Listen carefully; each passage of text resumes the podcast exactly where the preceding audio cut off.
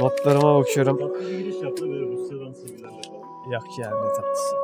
Bak bakayım bana bir. Zoom fokus ayarı yapacağım. Üf. Evet. Fokus ayarımız da oldu. Selamun aleyküm. Aleykümselam.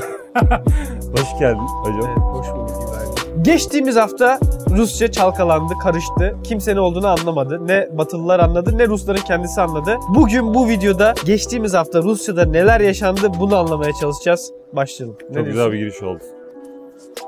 Kimse anlamadı. Herkes çok oldu. Ben de anlamadım bu arada. Evet. Türkiye'deki zaten ortalama bir insan için Wagner, Prigojin falan bunlar kim? Çok uzak şeylerdi. İstersen önce ne olduğuyla başlayalım hızlıca. 23 Haziran'da Prigojin, Wagner'in lideri bir video yayınladı ve dedi ki Rus Savunma Bakanlığı bize saldırıyor. Havadan saldırıyorlar. Kamplarımızı bombalıyorlar. Bir sürü askerimiz öldü. Dolayısıyla biz buna karşılık vereceğiz. Rus askeri liderleri hesap verecek. Rus askeri liderleri dediği kim? Savunma Bakanı'yla Genelkurmay Başkanı. Dedi ki bu adamlar şeytani şeyler getirdi bu ülkenin başına. Bu adamlar zaten beceriksiz. Şimdi de bize saldırıyorlar. Biz bunları indirmeye yürüyeceğiz. Ve bir adalet yürüyüşü adını koydu buna. March of Justice adalet yürüyüşüne başladı Ukrayna'dan. 23 Haziran'da bu videolar düştü. Wagner isyan mı ediyor dendi. 24 Haziran sabahında Ukrayna sınırını geçtiler. Güneyde Rostov'u aldılar. Rostov'da Güney askeri karargahı var Rusya'nın. İlk orayı aldılar saatler içinde. Ardından Moskova'ya doğru e, M4 karayolu var. Moskova'dan güneye doğru giden bir karayolu bu. Bu otoyolda devam ettiler. Bir gün içerisinde Moskova'nın 200 kilometre yakınına kadar gelebildiler. Doğru dürüst bir karşılık görmeden. Yani kimse karşılarına çıkmadı. Silah atmadan Rostov'u aldılar. Voronezh'de, Voronezh Moskova'ya giderkenki bir şehir. Orada çatışmalar oldu ama o çatışmalarda da Wagner grubu Rus helikopterini düşürdü. Rus askeri öldü. Devamında bunlar Moskova'ya bu kadar yaklaşmışken Lukashenko araya girdi ve bir anda hikaye bitti. Yani Prigojin dedi ki tamam biz bu işi vazgeçiyoruz. Moskova'yı almayacağız. Geri döneceğiz. Yani aslında insanlar ilk çıktığı anda olay, Cuma günü olay olduğu zaman Rusya'da darbe mi oluyor dediler. Evet. İlk başta ne olduğu tam anlaşılmadı. Kalkışma. Ha, sonra aynen yani bu bir darbe mi, kalkışma mı, isyan mı soruları soruluyordu. Esasen Prigojin'e sorduğun zaman Putin'i veya rejimi değiştirmeye yönelik bir niyetimiz yok diyordu. Dolayısıyla bu bir darbe değil. Bizim esas amacımız askeri yönetimi değiştirmek. Yani ordunun başındakileri değiştirmek. Bunlar da Shoigu ve Gerasimov. Dolayısıyla onlara sorduğun zaman bu bir darbe değildi. Amaç darbe değildi. Beklenmedik bir şekilde başladı ve beklenmedik bir şekilde de bitti. Çünkü başta Putin 24'ü sabahında bir açıklama yaptı ve orada işte çok isim vermeden bu kalkışmaya e, başlatanlar haindir. Halkımızı sırtından bıçakladılar. Biz şu an bir savaş veriyoruz. Bu hainler yargılanacak, cezasını görecekler, en ağır şekilde cezalandıracaklar gibi konuştu. Ama akşamına gelmeden Putin de Wagner grubunun bir şey olmadan bu işin sonlanmasına okey oldu. O da bir garipti. Yani bizim bildiğimiz Putin genelde şöyle refleks verir. Ezeceğiz. Biri isyan mı ediyor? Onun üstünden geçeceğiz. Böyle bir refleks verir. Başını ezeceğiz. Başını bir ezeceğiz. olurdu. Zaten olay şöyle. Putin Lukashenko ile konuşuyor. Lukashenko'nun anlattığı hikaye bu. Lukashenko da Belarus'un başkanı. Başbakanı. İşte Lukashenko sabah haberi almış. İlk başta şey diyor. Ya olur böyle şeyler savaşta. Sonra diyor ki Aa, olay ciddi bunlar Moskova'ya gidiyor. Putin'le konuşuyorlar. Putin diyor ki onu yok edeceğim. Onu ezeceğim bitireceğim. Lukashenko diyor ki ya e, Vladimir biraz sakin ol. Çok abartma gaza gelme bir şey yapma. Dur bir konuşalım adamla. Putin diyor ki yok konuşamazsın. Telefonlara bakmıyor. Gerçekten mi? Aynen. Konuşamazsın uğraşma telefonlara bakmıyor falan. Lukashenko diyor ki tamam bak sen sakin ol ya bir şey yapma. Ben bir konuşayım bununla ve komutanlarla. Neyse sonra Rus federal servisinden, güvenlik servisinden numaralarını alıyor. Ulaşıyor. Prigojin'e ulaşıyor. Prigojin'le konuşuyor. Prigojin de sürekli küfürlü konuşuyordu falan diyor. Yani çok sinirliydi.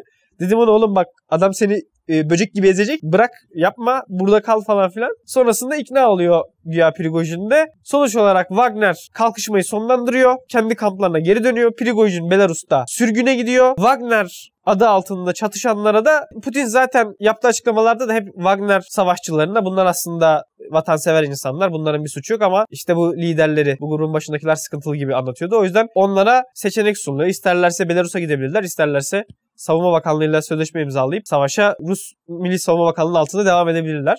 Dolayısıyla kimseye bir şey olmayacak. Prigojin üzerinde açılan davalar vardı.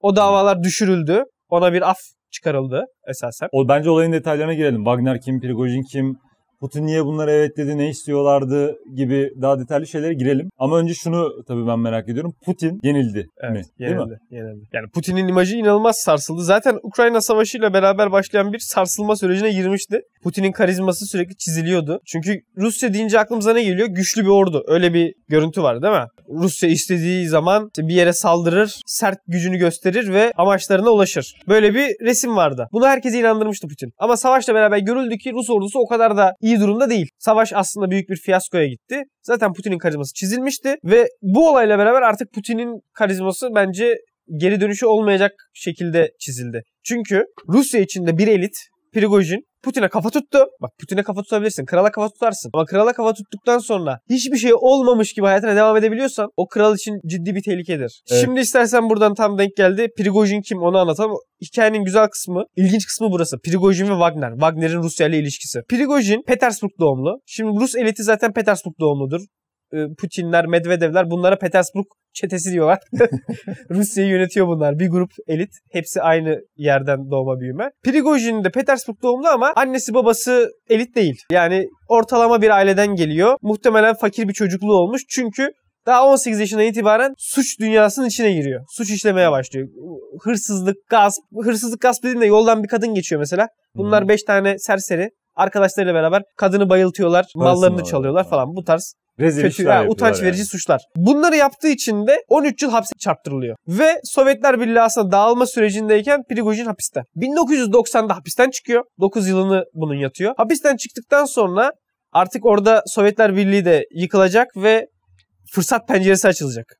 Orada Rusya'nın kim kime dumduma dönemi başlıyor. Biraz böyle kanunsuz bir kapitalizmin gelişiyle beraber açıkçası fırsatların da çok olduğu bir dönem. Zaten bütün o bildiğimiz bugünkü oligarklar inanılmaz zenginler. O dönem o fırsatları kullanıp e, aslında haksızlıklarla zengin olan insanlar. Prigojin öyle zengin olmuyor ama. Prigojin sosis satıyor. Hot dogçu. Hot dog satarak gerçek bir şey mi anlatıyorsun? Gerçek aynen. Prigojin Gerçekten. aynen hot dog satıyor. Sosis satarak başladığı iş adamlığı, girişimcilik macerasında devamında bir market zincirine ortak oluyor. Devamında da bir restoran açıyor 95 yılında Petersburg'da. Çok güzel bir restoran açıyor Petersburg'a. Vizyonu da bir adam gitmiş iyi birilerini getirmiş restoranın başına hani iyi bir iş yapmışlar. Fine dining restoran yapmışlar Petersburg'da. Restoran patlıyor. Restoran patlayınca bu da artık bütün o St. Petersburg elitinin içine girmiş oluyor. Düşün Nusret gibi bir şey aslında. O adamın Nusret olması tadımı kaçırdı lan şu an. Şimdi St. Petersburg eliti zaten bu Putin ve çevresi demiştik. Dolayısıyla Putin'in çevresiyle de ve Putin'le de tanışmış oluyor 2000'lere geldiğimizde. Mesela Putin başkan olduktan sonra birilerini onun restoranına götürmeye başlıyor. Kremlin'deki yemekleri bunun firması vermeye başlıyor.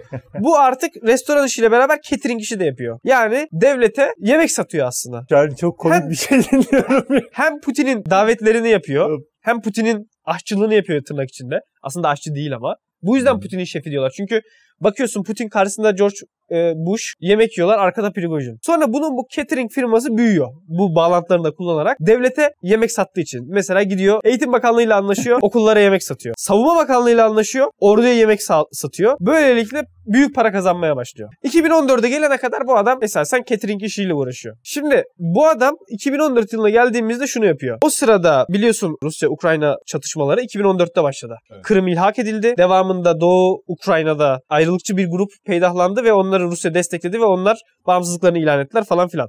Şimdi bu olaylar yaşanırken Rusya için şöyle bir şeyin ihtiyaç duyulduğu fark ediliyor. Ya biz doğrudan buraya müdahale edemeyiz. Yani biz doğrudan ordumuzla Ukrayna'ya giremeyiz. Evet. Ama buradaki ayrılıkçılar var. Bunları desteklemek lazım. Askeri olarak da desteklemek lazım. Bunun için de bir aparata ihtiyaç olabilir. Bu aparatta ne olabilir? Askeri özel şirketler. Yani bir takım özel şirketler olacak ve bu şirketler Rusya devletiyle bağlantısız kağıt üstünde gidecekler. Onlar profesyonel olarak bu iş yapacaklar. Tam bu noktada 2014'te Mayıs'ta Prigojin'in ifadesiyle Wagner doğuyor. Ama buradaki önemli detay şu. Tartışılan şeylerden biri bu. Wagner'i Rusya mı kurdurdu? Rus askeri istihbarat mı kurdurdu? Yoksa Prigojin'in fikri miydi? Ordu içindeki bazı kaynaklar Guardian'da okumuş olmam lazım. Prigojin'in fikriydi diyor. Yani Prigojin Putin'e bunu anlatıyor. Biz böyle bir şey yapabiliriz.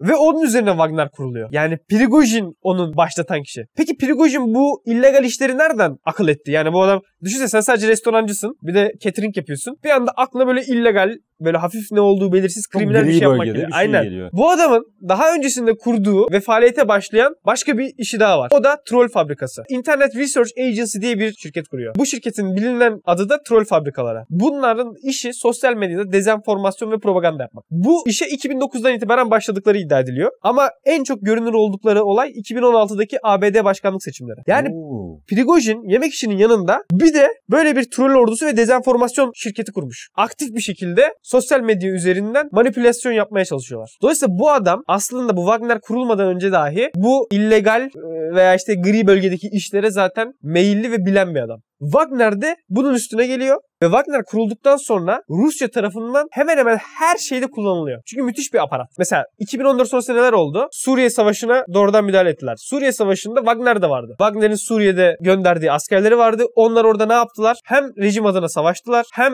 rejim adına belli bölgelerin güvenliklerini sağladılar. Wagner'in repertuarı geniş. Sana özel güvenlik de yapabilir. Yani sen devlet başkanısındır seni korur. Senin petrol havzaların vardır. Oraları korur. Sen dersin ki içeride bana karşı olanlar var gider onları döver. Her işi yapar. Veya dersin ki benim ordum eğit bunları da yapar. Bütün bunları yapan bir grup oluyor Wagner. Ve Wagner bunu yaparken de tabii ki Rus Savunma Bakanlığı'yla ve ordusuyla işbirliği içinde yapıyor bunu doğal olarak. Onlara bir yer tahsis ediliyor. Onlar zaten elemanlarını önce savaş veteranlarından topluyorlar. Zaten Wagner'in kurucusu olarak hem Prigojin hem de Dimitri Utkin diye bir adam var. O gösteriyor. Dimitri Utkin de askeri istihbaratta görevli bir yarbay. Eski bir yarbay. Zaten grubun adı da ondan geliyor. Adamın e, çağrılma lakabı Wagner'miş orduda. Ha, Wagner'in güzelmiş. Olma sebebi de adamın Nazi sempatizanı olması diyorlar. Nazilerde Wagner, Richard Wagner besteci. Onu çok kullanıyorlar. Oradan gelen bir bu adamın böyle bir çağrılma lakabı var. Wagner'in adı da oradan geliyor deniyor. Şirket kuruldu. İki tane sorum var. Sorayım mı? Sor. İlk soru şu. Bu fikir dünyada gerçekten ilk defa e, Rusların ve Prigojin'in mi aklına geliyor? Yani daha Hayır. önce uygulanmıyor mu? Özel askeri şirketler zaten var olan bir kavram. Bu zaten var.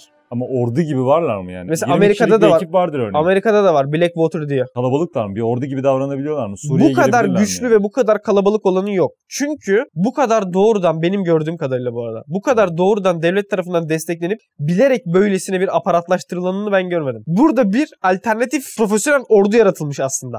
Rusya eliyle. Ama bunun ne olduğunu konusunda da tartışmalar var. Yani Wagner bir özel askeri şirket mi? Paramiliter hükümet yanlısı bir milis örgüt mü? Çünkü bir yandan tamamen Rusya güdümlü çalışıyor. Ama bir yandan kendi özel çıkarları da var. Onları da koruyor. Rusya'nın dışında da işler yapıyor. O yüzden aslında tam o konuda da biraz arada bir yapılanma. Wagner bir organizasyonun, bir holdingin bir parçası aslında. Yani Prigojin'in yarattığı bu organizasyona baktığımız zaman temelde şunu görüyoruz. Bunun bildiğin işte maden çıkartan şirketleri var. Enerji şirketleri var. Bunun medya ayağı var. Bunun troll fabrikaları ayağı var. Bunun bir de asker ayağı var. Wagner. Hocam yanlış anlamazsam paralel devlet diyebilir miyiz? Evet. Adam kendince inanılmaz bir yapılanma kurmuş. Yani Wagner bu diğerleriyle beraber işbirliği içinde yürüyor aslında. Çünkü şimdi Wagner iş yaparken bir yandan dezenformasyon ve propagandaya da ihtiyacınız var ya. Evet. Onu da medyaya yapıyor. Prigojin'in medyaya. E bir yandan Wagner mesela iş yapıyor Suriye'de. Bedava mı yapıyor? Bedava yapmıyor. Ne yapıyor mesela? Petrol havzalarında %25 pay vermişler. Afrika'da varlığı var Wagner'in. Sudan'da, e, Libya'ya da girdiler galiba? Sudan, Libya, Orta Afrika Cumhuriyeti, Mali. Şimdi her yerde farklı stratejiler var. Bazı yerlerde direkt devletten sadece para alıyorlar. Bazı yerlerde oradaki doğal kaynakları çıkartıp onu satıyorlar, onun ticaretini yapıyorlar. Ama günün sonunda müthiş bir yapılanma var. Evet. Mesela Libya'da bin kişi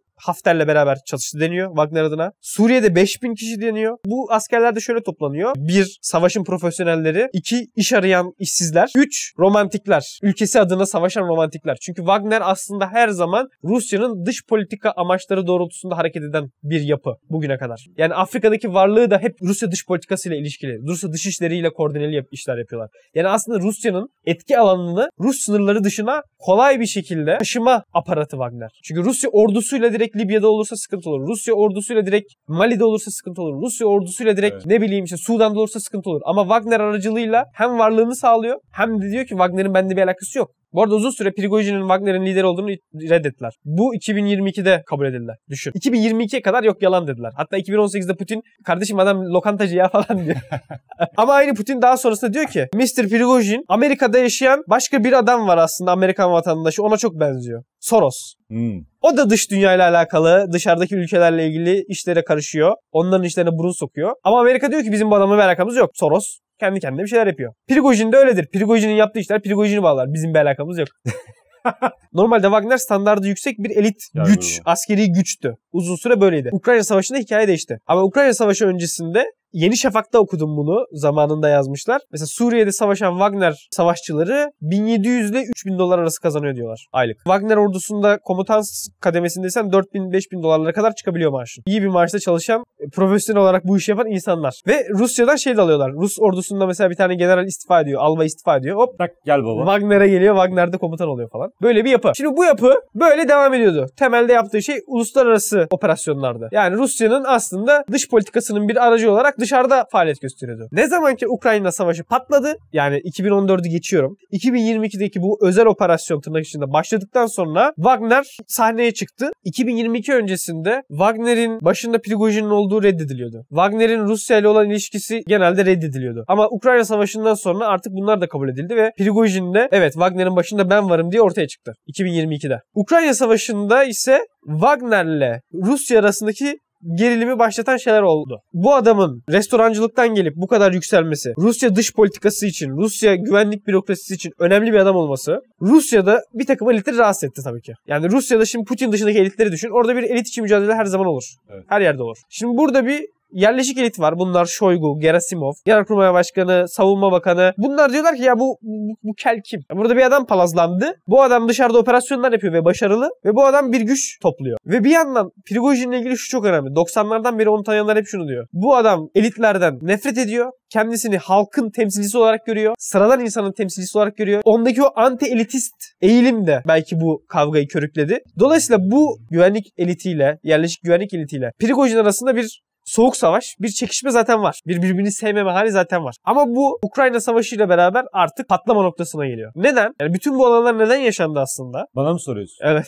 yani biz bu Çok- isyanı çok niye basitçe- gördük? Temelde niye bu Çok isyan basit oldu? güç savaşı aslında. Yani muhtemelen Prigojin diyor ki biz savaşıyoruz, biz öndeyiz, biz zayiat veriyoruz ama hala sizin borunuz ötüyor yeter diyor. Esas temel sebep savaşın kötü gitmesi. Savaş patladı abi. Yani savaş kötü gittikçe, savaşta sıkıntılar doğdukça içerideki elitler arasında kavga da artıyor. Çünkü hem içeride halktan homurdalmalar başlıyor hem de elit düzeyinde abi bir şeyler yanlış gidiyorum kavgası başlıyor. Dolayısıyla Ukrayna savaşı düzgün gitseydi yani planlanan gibi hızlı bir şekilde Ukrayna pes ettirilseydi o zaman hiç biz bunları görmezdik. Ama savaş kötü gittikçe insanlar birbirlerini suçlamaya başlıyor. Savaş kötü gittikçe, Wagner de savaşın bir ana aktörü haline geldikçe bu Wagner'le, Prigojin'le Shoigu, Savunma Bakanı ve Genelkurmay Başkanı arasındaki kavga büyüdü. Birbirleri suçlamaya başladılar. Bu suçlamada nasıl oldu? Mesela Wagner aktif olarak savaşa müdahale olduktan sonra şimdi galibiyette bile bir şey çekişmesi oluyor. Kim kazandı? Mesela Soledar muharebesi var. Prigojin diyor ki bunu biz kazandık. E Rus Savunma Bakanlığı kendisi üstleniyor. Biz kazandık helal olsun bize. Böyle olunca başarıda bile bir kavga hali Gidip başlıyor. yarış. Aynen. Ama olayları patlama noktasına getiren şey bu bitmek bilmeyen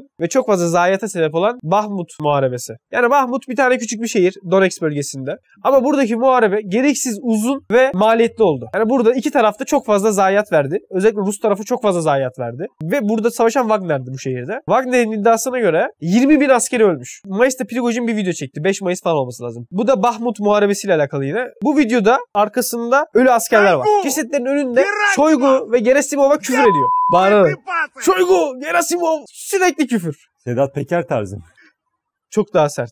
Diyor ki Bak bize o lanet olası mühimmatları verin. Siz bu mühimmatları vermediniz diye bu insanlar öldü. Bunlar birilerinin babası, birilerinin çocuğu. Siz evinizde rahat rahat yatarken bu insanlar burada öldü. Siz bunlara bu tesisatları sağlamadınız diye. Bağırıyor, çağırıyor, küfürler ediyor. Şimdi bu zaten artık iplerin tamamen koptuğunu gösteren bir şey. Hemen bir şey soracağım. Bunun spekülasyon olup olmadığına ilişkin bilgi var mı? Yani işte Prigojin bize destek vermiyorlar diyor. Ona ne kadar inandığı sana bağlı. Onun dışında şunu da diyor. Ukrayna savaşı baştan sona berbat yönetiliyor. Yani askeri olarak berbat yönetilen bir savaş. Bunun sebebi de askeri liderlik. Yani o bakanla Genelkurmay Başkanı. Bunlar beceriksiz adamlar. Bunlar rezil ettiler. Bu insanları ölüme yolladılar. Bu insanları desteklemediler. Kendileri de zevkü sefa içinde yaşıyor. Bütün anlatı bu. Çok güzel bir anlatı bu arada. Evet. 5 Mayıs'ta bu videoyu çekti. Artık zaten ipler kopma noktasında belli. Bu arada Wagner de artık Ukrayna'da savaşacak adam bulmak için şunu yapıyorlar. Hapishanelere gidiyorlar. Hapishanelerde insan topluyorlar. Diyorlar ki 6 ay savaş, 6 ay sonunda özgürsün ve para vereceğiz sana. Aynen. Bunu garanti ederek Bu savaş esnasında oluyor bu değil mi? Tabii tabii. Yani Wagner çünkü adam lazım. Adam sıkıntısı da var. Adam toplayabilmek için normalde kamplarda eğitim yaptırırdı, özel seçerdi. Bunu yapamıyor. Gidiyor tek tek hapishanelerden adam topluyor Prigojin. Mahkumları toplamış. Ortada Prigojin konuşuyor. 6 ay savaşıp ölmezseniz serbestsiniz falan. Hatta orada eski mahkumlardan biriyle konuşmuşlar. O şey diyor. Biz otoritelere güvenmiyoruz, inanmıyoruz. Ama Prigojin'e inanıyoruz. Oo. Çünkü o Eski bir mahkum o da bizden biri. Onun sözüne inanıyoruz. O diyorsa yapar. Bizi serbest bırakırlar sonrasında. Böyle yani toplama bir ordu ve Bahmut muharebesinde de zaten amaç Rusya'nın stratejisi Ukrayna'ya mümkün olduğunca maksimum zararı verebilmek, maksimum zayiatı verebilmek. Dolayısıyla onlar da maksimum zayiatı zaten gözden çıkartıyorlar. Ya zaten Rusya'da tarihsel olarak insan çok önemli değildir. Yani Rus ordusunda insan genelde bir nasıl diyelim sana yani hani git abi sen öl. Ölmeyi emrederler genelde. Ben Rus tarihi dersi almıştım. 1950'lerde bir kıtlık oluyor. Orada resmi rakamlarla galiba 1 milyon 700 bin insanın öldüğü falan söyleniyor. Yani Birinci Dünya Savaşı'nda falan da öyle. Yani Doğru düzgün silahları yok, doğru düzgün mühimmatları yok. Orduda yollanıyorlar. Bu insan dalgası taktiği diyorlar ya. Hani 100 kişi ileriye doğru koşsun. Onları öldürmekle zaman kaybedecek rakip. Sonra arkadan gelenler daha da ilerleyecek. Arkadan gelen daha da ilerleyecek. Bunları yapıyorlar. E tabi bu da bir gerginlik yaratıyor. Yani çünkü bu Sağda bunları gören Prigojin öte yandan bir bakıyor Rusya'daki elitler bir, Bir sıkıntıları yok. Aynen bir bir sıkıntıları yok. Yaşıyorlar. Gayet keyifli yaşıyorlar. Zaten Prigojin bütün bu savaş boyunca hani artık resmi olarak da Wagner'in lideri olduğu açıklandı ya kamuoyuna. Bir propaganda ve PR çalışması yapıyor zaten. Onun propagandası da şu. Onu 90'lardan beri tanıyanlar şunu diyor. Her zaman yozlaşmış elitten nefret ediyordu ve onlara karşı savaşı kendi davası olarak bellemişti. Ve savaş sırasında da bu kendi e, medya, sosyal medya gücüyle ki sosyal medyayı çok iyi kullanıyor Telegram'ı. Hep şu anlatıyı kuruyor. Bu savaşta cefakar Rus halkı ölüyor. Sıradan insanın çocukları cepheye gidiyor, ölüyor. Bunlar ölürken Rus elitlerinin çocukları Birleşik Arap Emirlikleri'nde tatil yapıyor. Orada burada lüks içinde yaşıyor. Ki zaten bilirsin bu Rus elitlerinin çocuklarının hepsi Instagram'da Instagram'da sen bile görmüşsündür. Peskov'un kızı, Shoigu'nun damadı bir yerlerde gidiyorlar. Lüks içinde tatiller yapıyorlar ve bunları çekip koyuyorlar. Instagram'a, YouTube'a bir yerlere. Bunlardan nefret ediyor ve diyor ki bu bir adaletsizlik. 24 Mayıs'ta bir röportaj veriyor ve diyor ki bu adaletsizlik Rusya'yı yakar. Toplum adaleti talep eder. Bir yerde adaletsizlik dayanılamayacak raddeye gelirse de devrim olur. Çok açık bir şekilde 24 Mayıs'ta aslında şunu sinyalliyor. Bu düzen böyle devam edemez. Bu düzen böyle devam ederse 1917'de yaşananlar yine yaşanabilir diyor. Önce askerler ayaklanır. Sonra askerleri seven askerlerin akrabaları ve o dalga sizi yutar. Bu üstü kapalı bir şekilde bunları söylüyor. Yani bakın böyle devam ederse bu rejim devrilere götürüyor durumu. Elitlere seslenip diyor ki çocuklarınızı askere yollayın, savaşa yollayın, cenazelerini kaldırın ve işte o zaman insanlar desin ki tamam evet şu an bir adalet var. İşte şimdi adil oldu desinler diyor. Dolayısıyla bu anti elitist diskurla beraber kendisini de böyle bir savaş kahramanı, cephede savaşıyor, cefakar Rus milliyetçisi ve Rus vatansever olarak Halkçı. halkçı olarak portreliyor. Bu arada Prigojin Putin'e göre daha sert yani daha hardliner diyorlar buna. Hani daha şahin bir tarafta. Yani mesela Ukrayna Savaşı'nda şey diyor. Berbat savaşıyoruz. Yapılması gereken topyekun savaş ilanıdır. Hani bütün ülke seferber olsun bitirelim bu işi yoksa rezalet bir yere doğru gidiyor falan diyor. Yani savaşa karşı değil. Savaşın idare ediliş şekline karşı ve Putin'den daha da şahin, daha da sert bir adamdan bahsediyoruz ve bir halk desteği, halk sempatisi kazanmış bir adam. Çünkü sen Rostov'a girdiklerinde gördün. Rostov'dan çıkarken de gördün. Herkes Prigojin'e sarılıyor. Fotoğraf çektirmeye çalışıyor. Bu arada ben orada bir PR çalışması gördüm. Belki oraya bu videoyu koyarız. Bu ilk aldıkları kamp vardı ya. Orada bir tane video atıyor. Saatine bakıyor. Saat şu an 7.30. Burada her şey rayında falan diyor. Aha, musunuz? beraber. Orada ben hesaplanmış bir şey gördüm. PR'ını çok iyi yönettim. Oradan tahmin ediyorum. O da şu. Kapının önüne video çekerken muhtemelen sağında bir kadın var. O kadın gözükmüyor. Kadraja girmiyor. Kapının konuşması bittikten sonra kadına şunu demiş. Konuşmam bittiğinde bana bak ve içeri gir demiş. Aha. Konuşmasını bitiriyor. Sağına bakıyor. Kadın geliyor, giriyor, içeri giriyor ve videoyu öyle kapatıyor. Yani şey izlenimini veriyor. Burada evet gerçekten işler yolunda. Onu Evet. hesaplanmadan Prigojin'in yanından herhangi bir yere Evet, geçemez. yok, Yani Zaten çok biliyor. Anladın mı yönetmeyi? O çok hoşuma gitti yani. Güzel. Bu arada hikayenin bitişi de şu. Kronolojik olarak devam edeyim ona. 10 Haziran'da Savunma Bakanlığı artık tamam biz bu Wagner'in fişini çekeceğiz dedi. Ve dediler ki bütün gönüllü birlikler Savunma Bakanlığı ile sözleşme imzalamalı. Dolayısıyla herkesi kendi altında birleştirecek. Prigojin de dedi ki hayır biz böyle bir şey yapmayız. Yani bizi yok etmeye çalışıyorsunuz. Bu sırada zaten şey iddiaları başlamıştı. Rus ordusundan birileri bize ateş açıyor. Şu noktadaydı Prigojin. Bir şey yapmazsam bunlar beni yutacak. Anladın mı? Yani açıktan zaten savaş ilan etmiş. Açıktan sürekli saldırıyor, sövüyor. E bir de üstüne Savunma Bakanlığı da böyle bir hamleyle gelmiş. Hepiniz bize bağlanacaksınız diyor. Sonrasında da işte kendi iddiasına göre bizi bombaladılar, bize saldırıyorlar, bizim kamplarımıza saldırıyorlar. Ondan sonra da adalet yürüyüşünü başlatıyor. Shoigu ve Gerasimov'u indirmek için. Burada hep yaptığı bir şey var. Ben Rusya ve Putin'e bağlıyım, sadıkım. Çar'ı seviyorum, Çar'a bağlıyım. Ama etrafındaki herkesten nefret ediyorum ve etrafındaki herkes yolsuz ve çürümüş. Bu anlatıyı bir yerden gözüm ısırdı ama Dolayısıyla Putin'e dokunmadan Putin'in etrafındaki herkese saldırıyor. Ama yani bu yani neticede Putin'in rejimine zarar vermiyor mu? Neticede Putin'in rejimine Evet evet. e, ve karizmasına ciddi bir zarar vermedi mi? Verdi. Dolayısıyla bunu yaptı diye Putin'in şey yapacağını zannetmiyorum. Yani bunu yiyeceğini zannetmiyorum. Bence Putin'e saldırmaması veya Putin'e o destek iyi de stratejik bir şey. Yani Putin'in bir halk desteği var çünkü. Putin'in başarılı yaptığı bir şey var. O da ne? Rusya'nın bugünkü genel dış politika ve duruşunu, çizgisini belirledi ya bir çerçeve çizdi. Evet. Şimdi o çerçevenin dışında kalıp Putin'e muhalefet etmenin çok bir anlamı yok. Çünkü orada destek de bulamazsınız. Kolay yutulursunuz. Yani bugün Putin gittikten sonra Rusya'da liberal, batı yanlısı birisi gelebilir mi bilmiyorum. Yani çerçeve o kadar değişebilir mi bilmiyorum. Çünkü halk da o çerçeveye ikna. Ve zaten böyle bir adamsan çok kolay seni yok ediyorlar, dışlıyorlar. Dolayısıyla Prigojin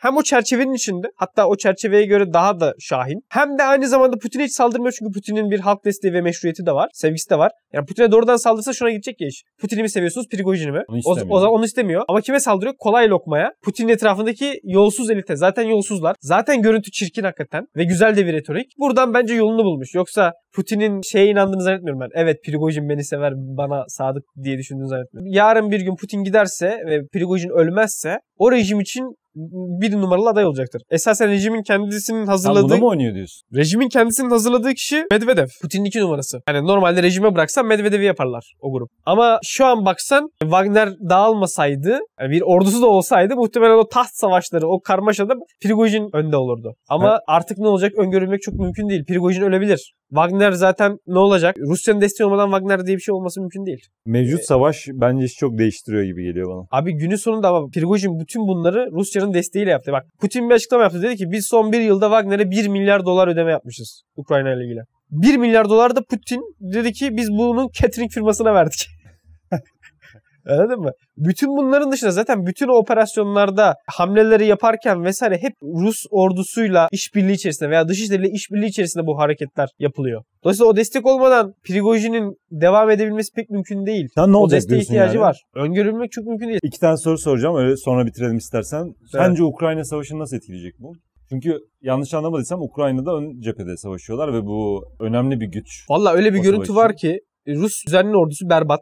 Öyle gözüküyor. Rezil durumdalar. Ama şunu diyebiliriz. Yani Putin şu noktadan sonra geri adım atıp savaşı bitireceği vardıysa bile şu an hani tamam barış şey imzalayalım diyemez. Çünkü zaten karizma çok çizildi. Evet. Yani o kadar çok geri adım atamaz. O yüzden Putin savaşı devam ettirecektir. Savaş kötü dahi gitse devam ettirme eğilimi daha yüksek olacaktır. Zaten Wagner'den de kurtuldu. Artık hani aksi bir ses de yok içeride dışarıda çıkabilecek. Kesinlikle savaş uzadı diyorsun. Kesinlikle demiyorum. Ama mantıken Putin'in savaşı devam ettirip bu bozulan imajını Toparlaması. toparlaması lazım. Karizmayı toparlaması lazım. Mümkünse yani hatta bana kalsa savaşta el bile arttırabilir hani. Bir an evvel lazım değil mi? Evet Bana bir an evvel bir başarı kazanmak için. Ya zaten bak savaş rezillik oldu. Üstüne Prigojin doğru düzgün bir e, mukavemetle karşılaşmadan Moskova'ya kadar geldi neredeyse. Ya çok fazla karizma çizdirecek şey oldu. Ya böyle bir şey var mı ya Moskova'ya kadar adam 200 kilometreye kadar gelmiş. Zaten bu yüzden de şimdi ordunun içinde Prigojin yanlılarına bir cadavı başladı. Bir tane general tutukladılar mesela. Şey diyebilir miyiz? Rusya'nın 15 Temmuz'u. Biraz ona benziyor evet. Şeyi anlamaya çalışıyorum. Tamam hiçbir şey yapmasa da Wagner'i bitireceklerdi. Tamam okey güzel ama yani yine de ne, ne cesaret. Yani mümkün mü böyle bir şey? Darbe olur mu yani? İndirebilir mi? Her şey yolunda gitseydi indirebilir miydi? E, güzel bir soru bu. Şöyle zaten herkesin şaşırma sebebi buydu. Yani Rusya'da Putin'e bu rejimde darbe kalkışma mümkün olamayacak bir şey gibi görülüyordu. Neden? Çünkü coup proofing denen bir hikaye var. Bu darbe geçirmezlik diye çevirmişler Türkçe'ye. Bu da şu. Rejimler darbeyle karşılaşmamak için bir takım stratejiler geliştiriyorlar ve bir takım önlemler alıyorlar. Bunlar genelde otoriter rejimler oluyor. Çünkü darbeden kim korkar? Genelde otoriter rejimlerde darbeden korkarsın. Dolayısıyla da darbeyi önleyebilmek için rejimler bir takım hamleler yapıyorlar. Bu hamlelere de darbe geçirmezlik stratejileri deniyor. Coup proofing deniyor. Putin zaten güvenlik bürokrasisinden geldiği için bunlara kafası basan bir adam. Dolayısıyla rejimi en başından beri darbe geçirmez yapmaya çalıştı. Bunu da nasıl yaptı? Birbiriyle benzer yetkilere ve güce sahip kurumlar yaratarak. Yani Ha. şöyle düşün. Senin bir tane ordun var. Çok güçlü, süper bir ordu. Emir Evet. komuta muhteşem. Ne olur? Sana dönerse sıkıntıya girersin. Tehlike. Tehlike. Orası sana dönerse seni indirir. Peki senin iki ordun olsun. Evet. Birbirine benzer yetkileri ve birbirine benzer güçleri olsun. Dolayısıyla da çok efektif de olmasın ikisi de. Biri burnunu kaldırırsa diğeri indirir. Aynen. Tak. Yani kurumlar Güzelmiş birbirlerini lan. dengeler ve gözler. Birbirini kırdırıyor diyebilir miyiz? Aynen. Eğer mesela biri darbeye kalkışacak olsa öbür kurum ötecek. Tak. Ve onun karşısına çıkacak. Dolayısıyla bu kurum da zaten şunu biliyor. Ben bir darbe yapmaya çalışırsam benim karşıma bunlar çıkar. Dolayısıyla Rusya'da da bu zaten Putin'in yaptığı bir şeydi. Yani Rusya'da birbiriyle benzer yetkiye sahip, benzer işlevleri gören bir sürü güvenlik kurumu var. Wagner gibi güçlüsü var mı? Şöyle Özel güvenlik şirketi olarak. kurumlarından kastettiğim şey şu. Şimdi bir federal güvenlik bürosu var. Bir dış istihbarat var. Bir askeri istihbarat var. Ama bütün bunların hepsinin yetkileri birbirleriyle üst üste denk düşüyor. Dolayısıyla hepsi birbirini gözlüyor. Ama burada şöyle bir soru çıkar bence. Rusya istihbaratı tahmin ediyoruz ki güçlü. Evet. Değil mi? Bayağı güçlüler yani. Tabii burada bir sürü de grup var yani. Bu Evet, istihbaratı alacak çok grup var. Yani Wagner gibi dışarıda 25 bin 50 bin askere sahip bir yapının da kontrol edilmemesi de imkansız. Bence böyle bir kalkışma da biliniyordu. O zaman Putin bir ihtimal olarak buna izin vermiş baş- ve başka bir şeyi kovalıyor olabilir. Amerikalı casuslar Prigojin'in bir şeye kalkışacağını biliyorlarmış. Tamam. Amerikalı Hazır- biliyorsa Haziran ortasından beri ama ne olduğu tam hani ne olduğunu tam kestiremiyorlar. Amerikalı yetkililer söyledikleri şey Putin'in 24 saat öncesinden en azından Prigojin'in bir şeyler yapacağından haberi vardı diyorlar. Yani o haber kesinlikle ona gitmiştir diyorlar. Tamam, buna karşın bir şey yapmadıysa da diyorum ben. Yani evet bilmiyorum. Yani bir de bilsen hemen tepki verebilmen de o kadar kolay değil. Bir gün, iki gün, on gün içerisinde. Son olarak şununla bitireyim. Güzel bir teori. Hoşuma gitmişti. Kamil Galeev diye bir Rusya uzmanı var. Ben seviyorum. Parlak bir adam. Twitter'da takip edin. Onun şöyle bir teorisi var yaşananlarla ilgili. Bu sadece bir başlangıç diyor. Aslında büyük resimde daha acayip bir şey oluyor. O da şu. Rusya'daki yerleşik elit 100 yıldır değişmedi diyor. Yani 1917'den beri Lenin'in eliti devam ediyor aslında. Mesela Putin. Putin'in dedesi Lenin'in aşçısı. Veya işte diğer büyük adamlara bakıyorsun. Hepsinin aslında Sovyet döneminde bir rolü var. Yani mesela 1990'dan sonra Sovyetler dağıldı ama o dağılma zaten planlı bir geçiş olduğu için yani devrim olmadığı için orada elit yapısı değişmedi. Yani önceden sen Komünist Parti'de bir görevin vardı ve kendini komünist addediyordun. Artık komünist değilsin. Rusya Federasyonu'nda bir yeni bir güç Yeni bir, görevim yeni var. bir pozisyonun var ve bu sefer zenginsin de. Kolektif mülkiyet varken almışsın ona çökmüşsün artık senin olmuş. Yani Rusya'daki bu oligarkların hemen hemen tamamı Sovyet dönemindeki bürokratlarla ilişkileri olan insanlar ya da bürokratlar. Bürokratlar doğrudan oligark haline de döndü. Dolayısıyla elitler 100 yıldır anlamlı bir şekilde değişmedi diyor Kamil. Bu gördüğümüz şey aslında bunun sinyali. Bu gördüğümüz şey aslında büyük çaplı bir elit dönüşümünün ve değişiminin habercisi diyor. Şimdi buna anlattığım Prigojin'in anti-elitist söylemlerini de ekle ve oradaki o anti-elitist dalgayı da düşün halktaki. Bu böyle büyük bir harekete yol açıp Rusya'da büyük çaplı bir değişim, elit dönüşümüne sebep olabilir diyor. Böyle bir teorisi var Kamil'in. Bakalım tutacak mı? Bana da şey gelmiyor. O kadar kötü bir teori gibi gelmiyor. Çünkü Rusya'da hakikaten şu çok açık. Bir grup elit zenginler onlar başka bir dünyadalar. Bir de gariban Rus halkı var. Onlar savaş olduğu zaman da onlar ölüyor. Tamam mı? Memleketin cefasında bunlar çekiyor. Sefasını da bu Peskovlar sürüyor. Peskovlar, Lavrovlar. Burada e, bu- Hocam bu- devrimci bu- gördüm sizi. Taş olsa çatlar yani böyle bir durum. evet bu kadardı. İlginç bir hikayeydi. Ben çalışırken keyif aldım. İnşallah sizler de dinlerken keyif almışsınızdır. Görüşmek üzere. Nasıl kaç dakika oldu? Güzel. Nasıl video sence?